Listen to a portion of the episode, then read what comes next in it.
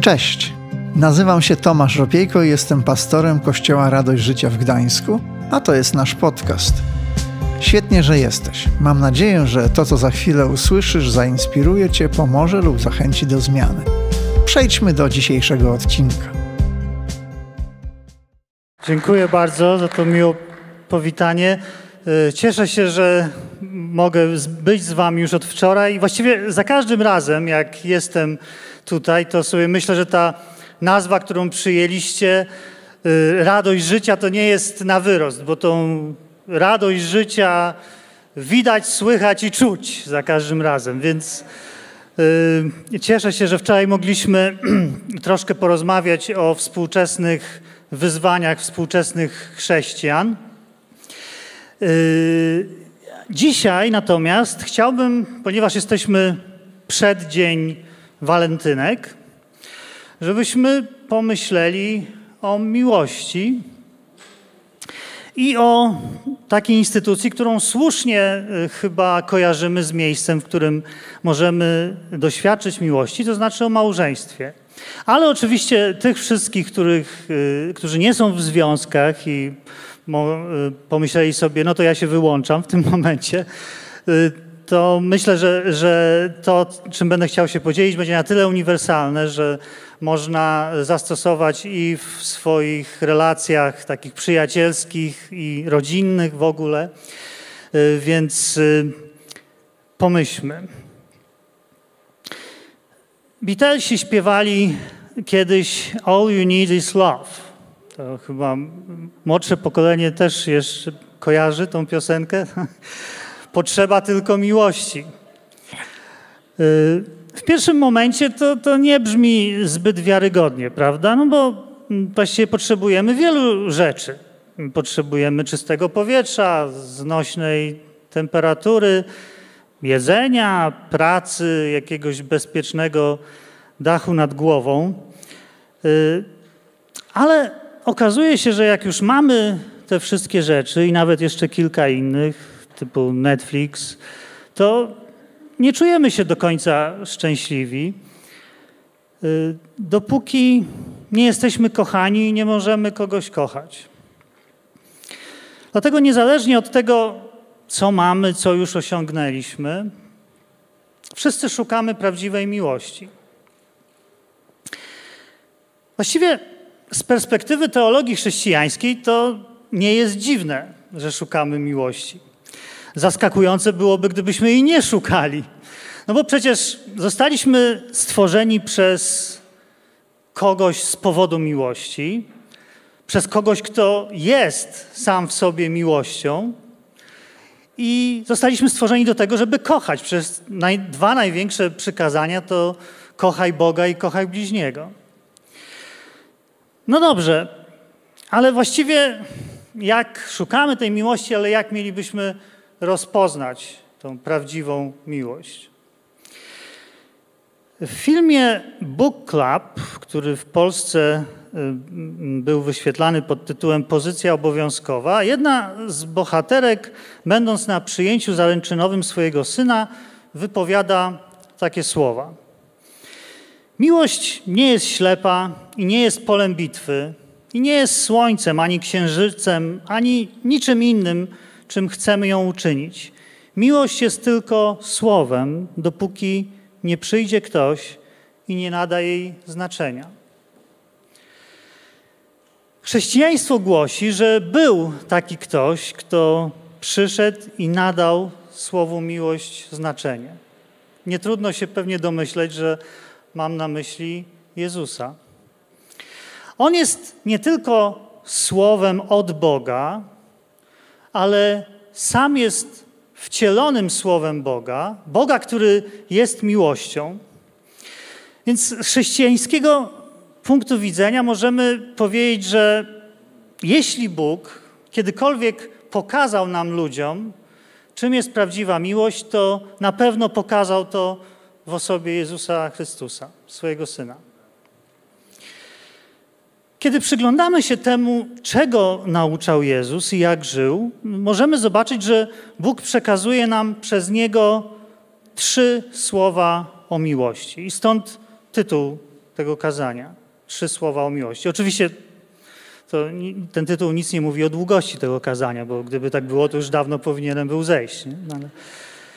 Y, Bóg przekazuje nam przez Jezusa trzy słowa o miłości, a te słowa to pomimo, ponieważ i ponadto. Ale zanim o nich pomyślimy. W pracach y, teologicznych i filozoficznych różne formy miłości opisuje się często za pomocą takich trzech greckich słów: agape, eros i filia. Y, I oczywiście istnieją niezliczone definicje każdego z tych rodzajów miłości. No, w końcu robota filozofa i teologa polega na tym, żeby trochę nie zgadzać się z innymi filozofami i teologami. Tak? Więc y, mamy różne definicje tych miłości, ale y, bardzo często agape wiąże się z poświęceniem i altruizmem. Eros łączy się z afirmowaniem tego, co wartościowe w jakiejś osobie albo rzeczy. A filia łączy się z budowaniem wspólnoty i współpracą. I idąc tropem tych skojarzeń na temat miłości, niektórzy teolodzy, no skoro już mnie zapowiedziano tutaj jako doktora teologii, to coś tam o tych teologach wspomnę. Więc teolodzy, niektórzy próbowali pokazać, że właściwie Boża miłość to jest przede wszystkim takie ofiarne oddanie na rzecz grzeszników, całkowicie nieuwarunkowane czymś wartościowym w stworzeniu. No bo właściwie my nie zasługujemy w żaden sposób na Bożą miłość, y, więc y, Bóg nie ma, nie ma nic takiego, co mogłoby skłaniać Boga y, do miłości do nas, ale Bóg mimo to wspaniałomyślnie nam tą miłość okazuje. No w końcu, czy nie taką ofiarną miłość pokazuje nam Jezus? Czy śmierć Chrystusa na krzyżu nie była najważniejszym aspektem Jego misji?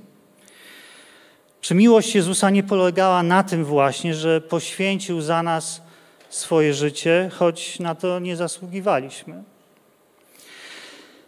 Poświęcenie to taki rodzaj miłości, którą można by nazwać miłością pomimo. Pomimo tego, że Bóg widzi cały nasz grzech i zepsucie, kocha nas i odpuszcza nam nasze winy. I nas też zachęca do podobnej postawy. Kiedy Piotr pyta Jezusa, ile razy mam odpuścić mojemu bratu, to ten powiada 70 razy 7, czyli właściwie niezliczoną ilość razy.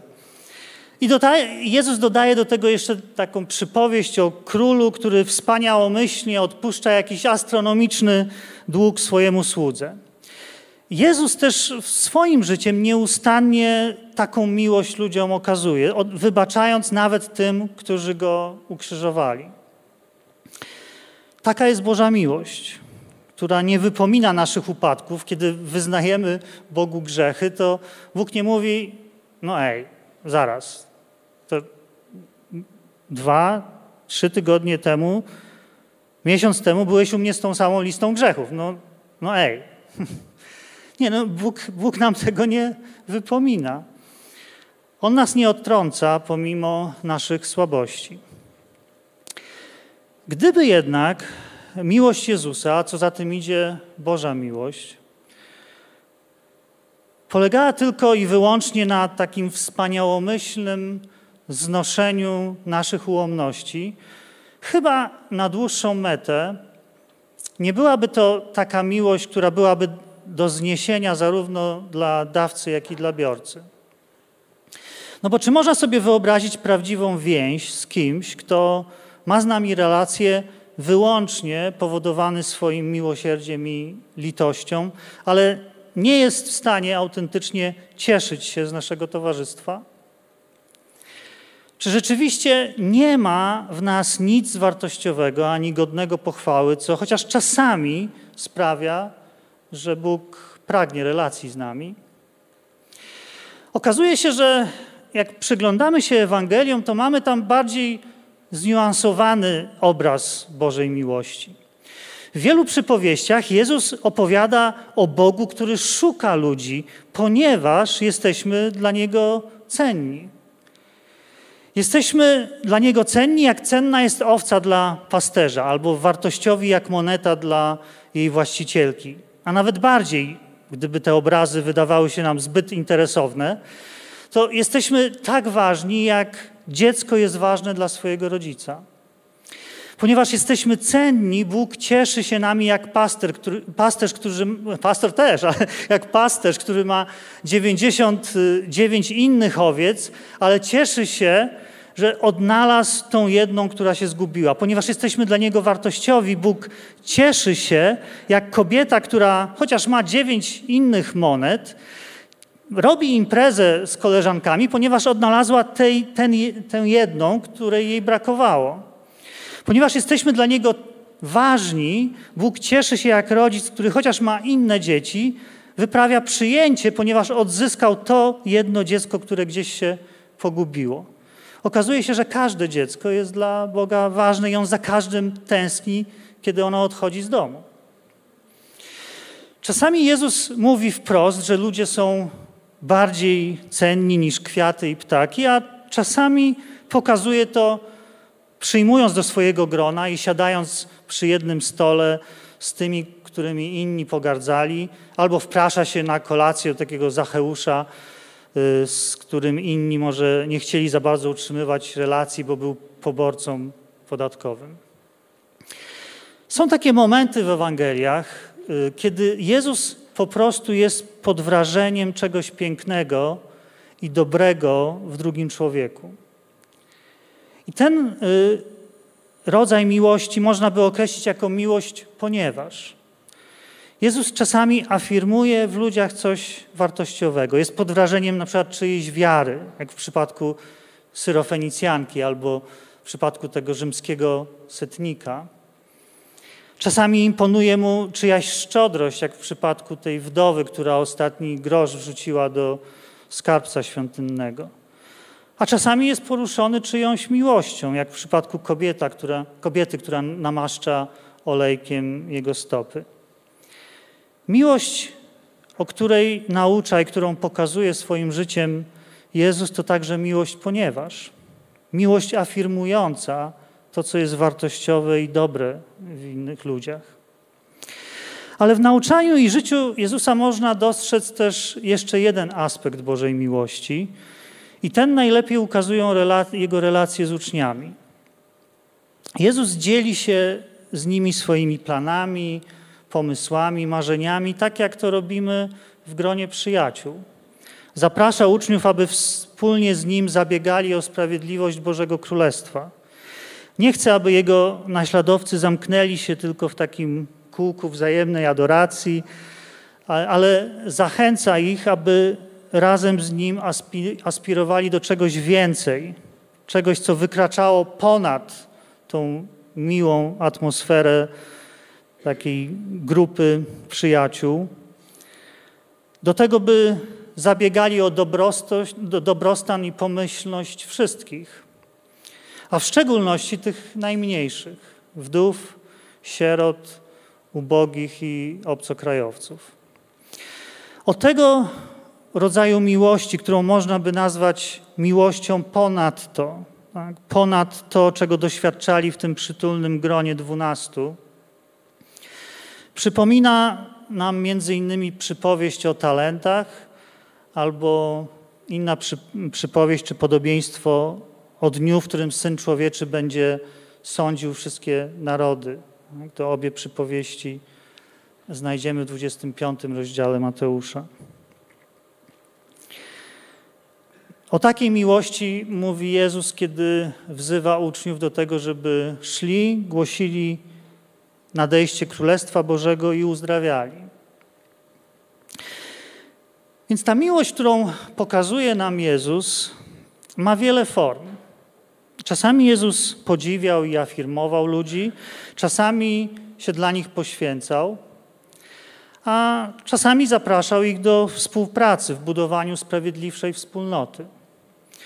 Jego miłość, która odzwierciedlała, jak wierzymy, tą Bożą miłość, przyjmuje różne kształty. Czasami jest jak agape, miłość pomimo, czasami jest jak eros, miłość ponieważ, a czasami jest jak filia, miłość ponadto. No i czy właśnie nie takiej miłości wszyscy szukamy w tych naszych najbardziej intymnych relacjach małżeńskich i przyjacielskich?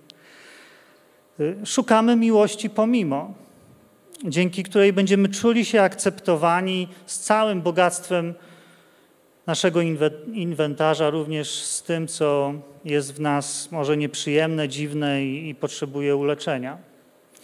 Szukamy miłości, ponieważ relacji, w której ktoś dostrzeże w nas coś cennego, ale też w której my będziemy potrafili podziwiać kogoś za coś.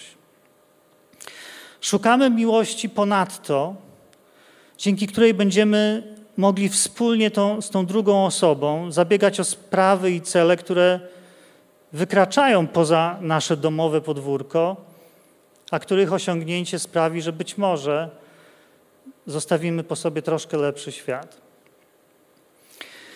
Jeżeli wszyscy tak bardzo pragniemy doświadczyć takiej miłości w małżeństwie, w rodzinie, to dlaczego w dzisiejszych czasach tak wielu ludzi jej nie doświadcza, a małżeństwo jest tak kruchą instytucją? Niektórzy chcą nam powiedzieć, że powodem jest to, że zbyt łatwo zgadzamy się na rozwody. Dlatego należałoby wprowadzić bardziej restrykcyjne prawo rozwodowe. Sugeruje się też, że powodem podupadającej instytucji małżeństwa i rodziny jest promowanie związków homoseksualnych. No, oczywiście liczbę rozwodów da się zmienić, wykreślając y, ewentualność rozwodu z prawa. Ale czy chodzi o to, żeby nie było rozwodów, czy raczej o to, żeby każdy członek rodziny mógł się czuć w swoim domu bezpiecznie i chciał w nim być, bo to jest najlepsze miejsce na ziemi. Albo czy jest bardzo prawdopodobne, żeby największym zagrożeniem dla instytucji małżeństwa były osoby, które mają tak wielki zapał, aby do tej instytucji dołączyć? Być może zatem powodem, dla którego tak trudno dziś wielu osobom odnaleźć szczęście w małżeństwie, jest nie to, o czym wspomniałem, ale to, że nie jest do końca dla nas jasne, jakie dobro miałoby nam małżeństwo zagwarantować. Podczas ceremonii ślubnych zazwyczaj zwraca się uwagę na trzy cele małżeństwa – rozkosz płynąca ze współżycia, siła i pocieszenie wynikające ze wspólnoty oraz powołanie do życia i wychowanie dzieci. W średniowieczu, kiedy ktoś chciał mieć dostęp do tych dóbr, y, no to rzeczywiście musiał, zwłaszcza jeśli chodzi o seks i małżeństwo, to musiał wstąpić w małżeństwo. Ale we współczesnych społeczeństwach właściwie każde z tych dóbr można uzyskać poza małżeństwem. Małżeństwo nie jest nam potrzebne, żeby posiadać którekolwiek z nich. Nie jest też nam potrzebne do zdobycia stabilizacji finansowej ani społecznego uznania. W takim razie, do czego jeszcze potrzebne jest nam małżeństwo? Ostatnią próbą ratowania małżeństwa było stworzenie mitu drugiej połówki, idealnie dopasowanej do nas, i znalezienie jej Y, miało być taką gwarancją, że będziemy żyli długo i szczęśliwie. No ale oczywiście wcześniej czy później ci, którzy dołączyli do instytucji małżeńskiej, orientują się, że rzecz nie polega na tym, aby znaleźć osobę, w której będziemy zawsze zakochani, ale na tym, aby nauczyć się kochać tę osobę, którą znaleźliśmy. Zatem, co jest dobrego w małżeństwie i w jaki sposób powinniśmy to dobro pielęgnować. Wydaje się, że mit drugiej połówki w jednej kwestii się nie myli. Mianowicie w tym, że jedna osoba wystarczy nam na całe życie. Kiedy wchodzimy w związek małżeński, mówimy tej jednej osobie, że ona nam wystarczy. Bo jeśli rzeczywiście chcemy poznać jej charakter, upodobania, jeśli chcemy wsłuchać się w różne obawy i nadzieje, które skrywa gdzieś tam głęboko w sobie, y, kiedy chcemy zrozumieć jej pragnienia, być może też bolesne zranienia, i jednocześnie chcemy się otworzyć tak, aby ta druga osoba mogła to wszystko odkryć w nas, to tak naprawdę potrzebujemy na to całego życia. A może i całe życie nie wystarczy do tego, żeby w pełni docenić tę wartość, tajemnicę i wspaniałość daru, jaką otrzymujemy w tej jednej osobie. Jeśli największym dobrem, jaki otrzymujemy w małżeństwie, jest to, że ta jedna osoba jest wystarczająco fascynującym darem, żebyśmy potrzebowali całego życia, żeby ten dar docenić, to pewnie największym zagrożeniem dla małżeństwa jest dopuszczenie do siebie myśli, że jednak ta jedna osoba nam nie wystarczy.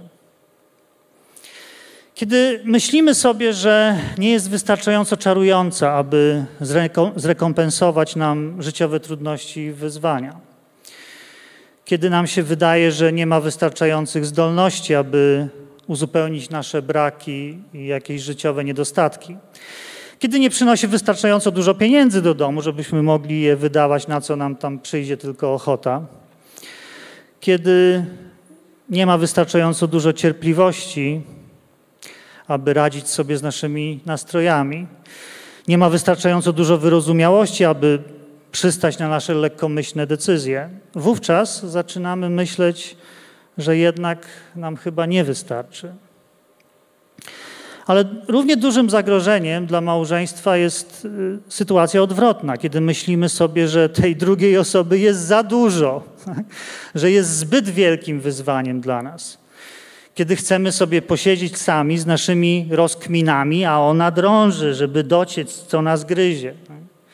Kiedy opowiada nam o swoim kolejnym pomyśle na upiększenie domu, w momencie, kiedy my chcemy obejrzeć akurat nowy odcinek naszego serialu.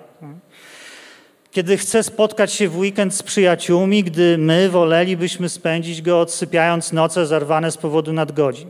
Kiedy jej nawracające rozterki i fobie powodują, że tak naprawdę nie potrafimy się zrelaksować. Kiedy słyszymy, że powinniśmy wyartykułować jasno, czego chcemy, podczas gdy my myślimy, że ta osoba już dawno powinna wiedzieć, czego my chcemy. Kiedy zaczyna rozmawiać o zmianie pracy, w momencie, kiedy nam wydaje się, że ledwo wiążemy koniec z końcem, kiedy chce porozmawiać o kolejnym dziecku, gdy my czujemy, że jesteśmy wypompowani bieganiem za tym jednym, to wówczas sobie myślimy, hmm, nie, to chyba jest za wiele jak na mnie. Kiedy pozwalamy, żeby te dwa zbiory myśli się spotkały ze sobą i nawzajem uzupełniły, to zaczynamy dochodzić do wniosku, że małżeństwo, w którym jesteśmy, nie jest jednak tym, którego tak naprawdę pragniemy. Myślimy sobie, że chyba nie dorośliśmy, że chyba nie byliśmy dla siebie stworzeni, skoro wyzwalamy w sobie tyle złych emocji, że chyba nie powinniśmy byli zakładać rodziny, chyba nie potrafimy z sobą rozmawiać, chyba nie potrafimy sobie zaufać. Nie potrafimy na tyle cieszyć się dzisiejszym dniem, żeby nie rozpamiętywać różnych żalów z przeszłości i nie roztrząsać obaw na temat przyszłości. Chyba nie poradzimy sobie z wyzwaniami, przed jakimi stawia nas nasze dojrzewające dziecko. Myślimy, że myśleliśmy, że stworzymy wspólnie bajkową krainę szczęścia i dostatku, ale wygląda na to, że staliśmy się bohaterami kolejnej dystopii. W końcu dochodzimy do wniosku, że nie jesteśmy dla siebie wystarczająco fascynującym darem, byśmy mogli się cieszyć sobą całe życie. Kiedy dochodzimy do takiego wniosku, badacze kultury podsuną nam szereg wyjaśnień, które pomogą nam usprawiedliwić nasze myślenie. Małżeństwo jest kruche, ponieważ dzisiaj żyjemy dłużej niż kiedyś, dlatego nie dziwne, że nie potrafimy wytrwać w jednym związku. Dzisiaj kobiety mogą być ekonomicznie niezależne, antykoncepcja jest coraz bardziej niezawodna, i wierzymy, że możemy bez poczucia wstydu odejść od wybuchowego partnera. I to wszystko prawda. Ale żadna z tych rzeczy nie jest chyba przyczyną kruchości małżeństw. Wydaje się, że największym zagrożeniem dla współczesnych małżeństw nie jest to, że zmieniła się tak bardzo kultura, ale zniechęcenie, które wynika z tych trzech myśli, którym pozwalamy zakorzenić się w naszej głowie. Już mi nie wystarczysz, jesteś dla mnie zbyt wielkim wyzwaniem. Jednak nie jesteśmy dla siebie nawzajem wystarczająco wspaniałym darem, byśmy mogli się nim cieszyć całe życie. No dobrze, to co możemy zrobić w takim razie, kiedy dopada nas takie zniechęcenie, czy to w relacji y, małżeńskiej, czy w relacji przyjacielskiej, czy w rodzinie, y, czy w narzeczeńskiej relacji? Apostoł Paweł w liście do Efezjan w trzecim rozdziale zapisał pewną modlitwę, która może być dla nas dobrą podpowiedzią, co robić, kiedy w naszych relacjach małżeńskich, rodzinnych dopada nas zniechęcenie. Chciałem, żebyśmy przeczytali teraz ten fragment z trzeciego rozdziału listu do Efezjan od 13 wiersza. Błagam was, abyście nie zniechęcali się z powodu moich utrapień, które znoszę za was. One są waszą chwałą. Dlatego upadam na kolana przed Ojcem, od którego bierze nazwa wszelki ród w niebie bierze nazwę wszelki ród w niebie i na ziemi. Niech On według bogactwa swojego majestatu obdarzy was przez swojego ducha siłą umacniającą wewnętrznego człowieka. Niech Chrystus przez wiarę zamieszka w waszych sercach, abyście zakorzenieni i ugruntowani w miłości mogli wraz ze wszystkimi świętymi pojąć, czym jest szerokość, długość, wysokość i głębokość, obyście poznali miłość Chrystusa, która przewyższa wiedzę i zostali napełnieni całą pełnią Boga. Tem, temu zaś, który działającą w nas mocą może uczynić znacznie więcej niż to, o co prosimy czy pojmujemy, Jemu chwała w Kościele i w Chrystusie Jezusie przez wszystkie pokolenia na wieki wieków. Amen. To nie jest koniec kazania jeszcze. Ktoś, kto uważnie słuchał tego fragmentu, może zadać pytanie, czy aby na pewno ta modlitwa pasuje do zniechęcenia, y, jakiego doświadczamy w związkach. No przecież Paweł pisze tutaj o swoich utrapieniach, być może prześladowaniach, być może pisze z więzienia, y, takich prześladowaniach, które mogą być powodem zniechęcenia Efezjan, bo oni to patrzą na to nie jak zapowiedź przyszłej chwały, tylko zapowiedź tych samych problemów, w których Paweł teraz jest. Tak? Ich też to kiedyś może spotkać. No ale wydaje mi się, że chociaż kontekst jest rzeczywiście inny, to to jest dobra modlitwa, którą możemy zanosić w sytuacji, kiedy dopada nas zniechęcenie w relacjach.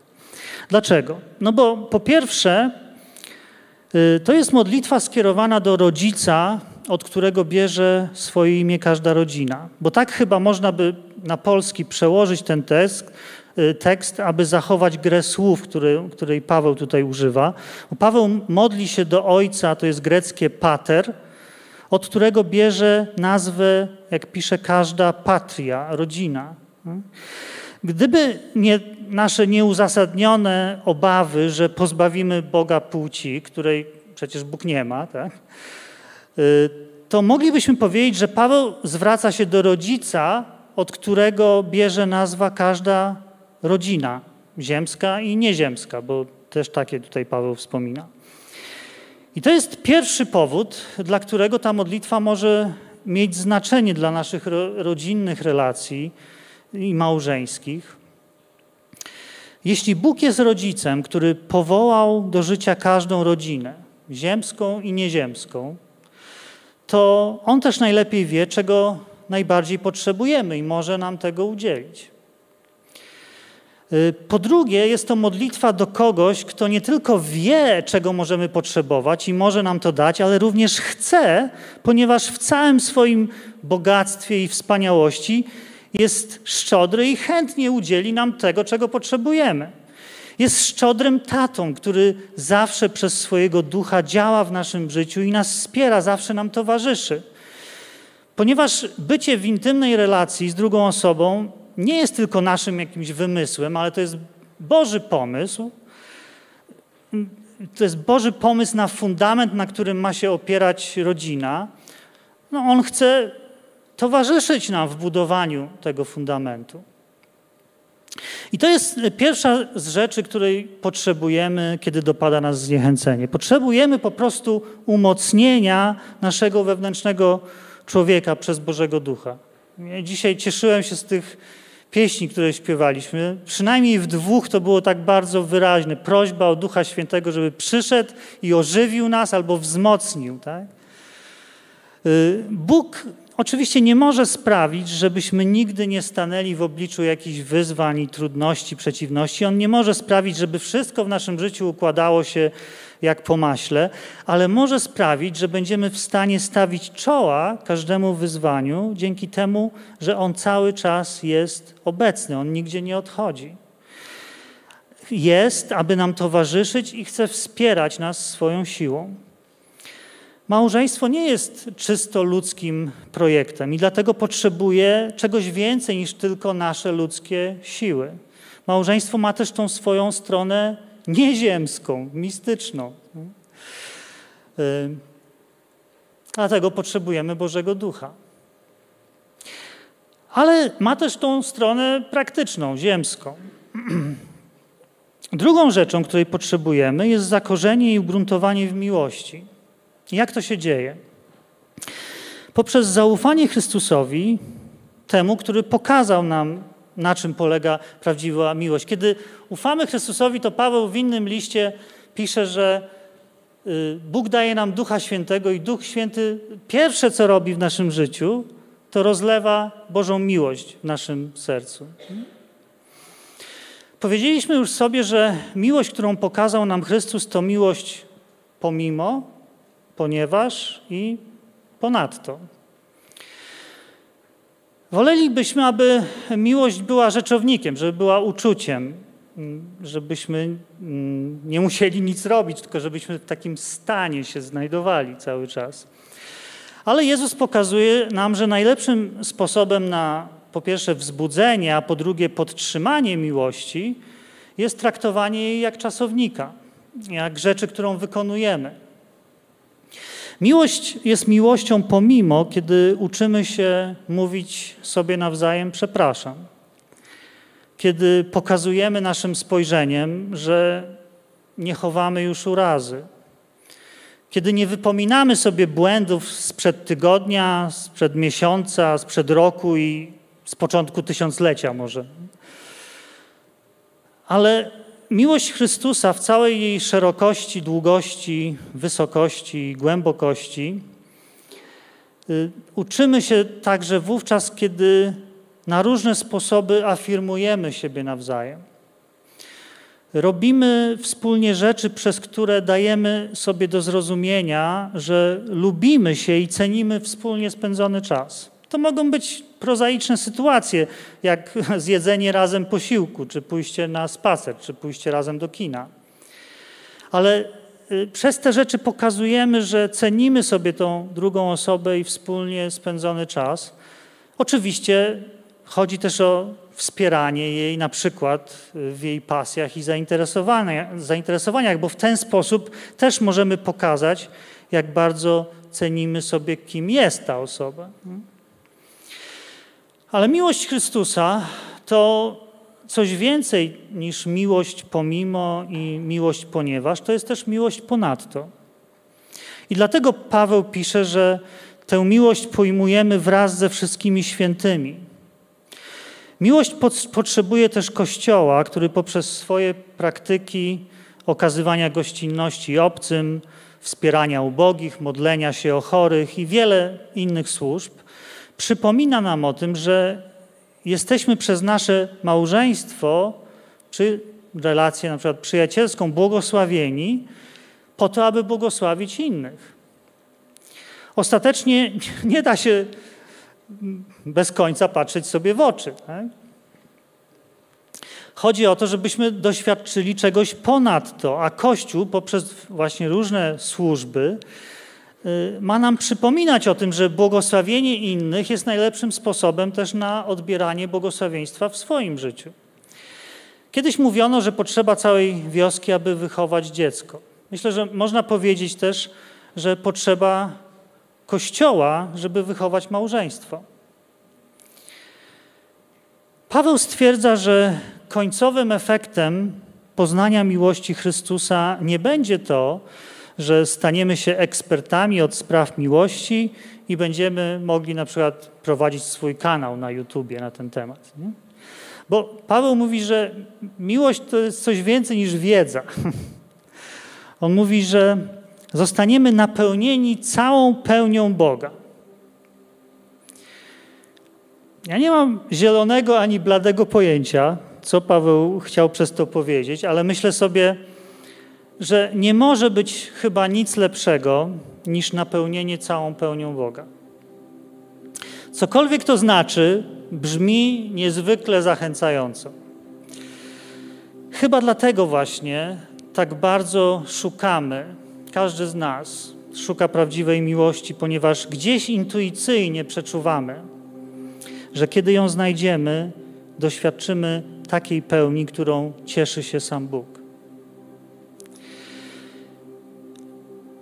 Do czego dzisiaj Paweł nas zachęca? Jeśli znaleźliśmy już taką miłość, taką prawdziwą miłość, to jutro będzie dobra okazja, aby wyrazić z tego powodu wdzięczność tym wszystkim, dzięki którym jej doświadczamy. Czy naszym partnerom w małżeństwie, przyjaciołom, rodzinie, siostrom i braciom we wspólnocie kościelnej. Jeśli dopadło nas zwątpienie, czy nasza małżeńska relacja jest dobrym miejscem, by doświadczyć miłości, warto skorzystać z tej modlitwy Pawła i po pierwsze poprosić naszego szczodrego tatę, aby zechciał wesprzeć nas mocą swojego ducha, który może uczynić, jak Paweł pisze, znacznie więcej ponad to, o co prosimy. I po drugie, możemy też modlić się o to, żebyśmy nauczyli się kochać tak jak Jezus.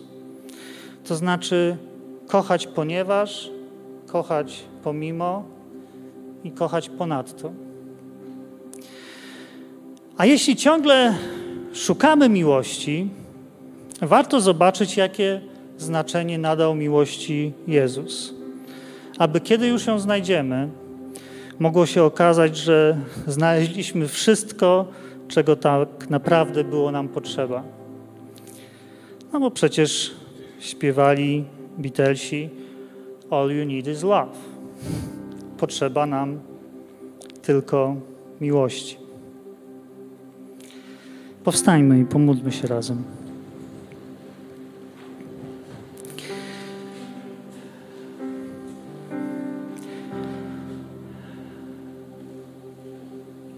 Nasz niesamowity tato, chcemy dzisiaj Tobie przede wszystkim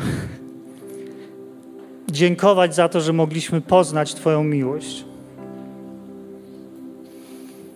za to, że ukochałeś nas pomimo tego, że nie szukaliśmy może Ciebie, zupełnie poszliśmy swoją drogą.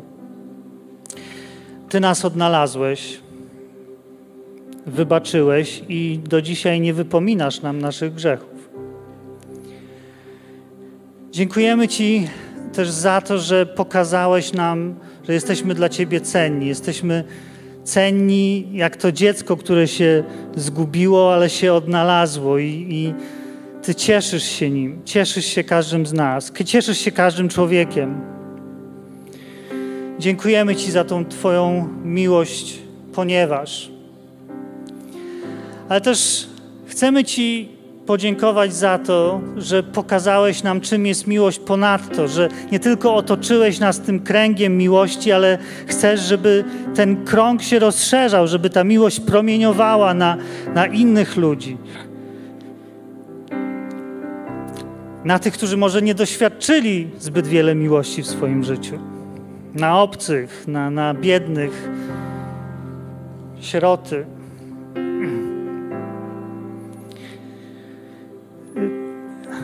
Tato, dziękujemy Ci też za to, że pozwalasz nam cieszyć się tą miłością w naszych relacjach małżeńskich, przyjacielskich, że dajesz nam takie osoby, które y, okazują nam tą miłość, ponieważ pomimo i ponadto, i, i, że możemy razem z nimi doświadczać. Zanim im będziemy dziękować, to Tobie chcemy podziękować za to, że dałeś nam ich w naszym życiu.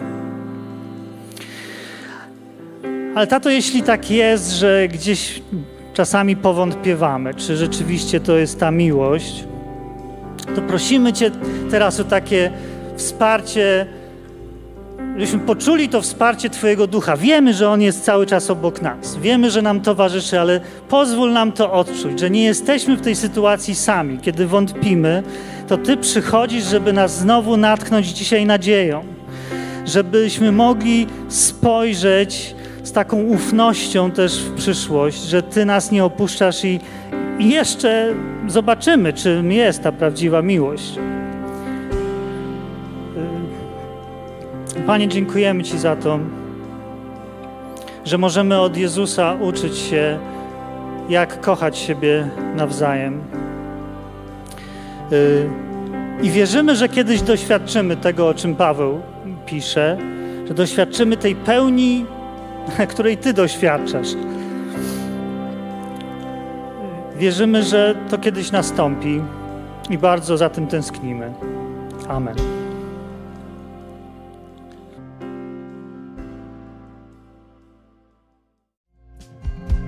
Dzięki, że zostałeś z nami do końca. Pamiętaj, że odcinki pojawiają się w każdy poniedziałek o 18. Jeśli chcesz dowiedzieć się o nas więcej, to wejdź na stronę kazetgdańsk.org. Do usłyszenia.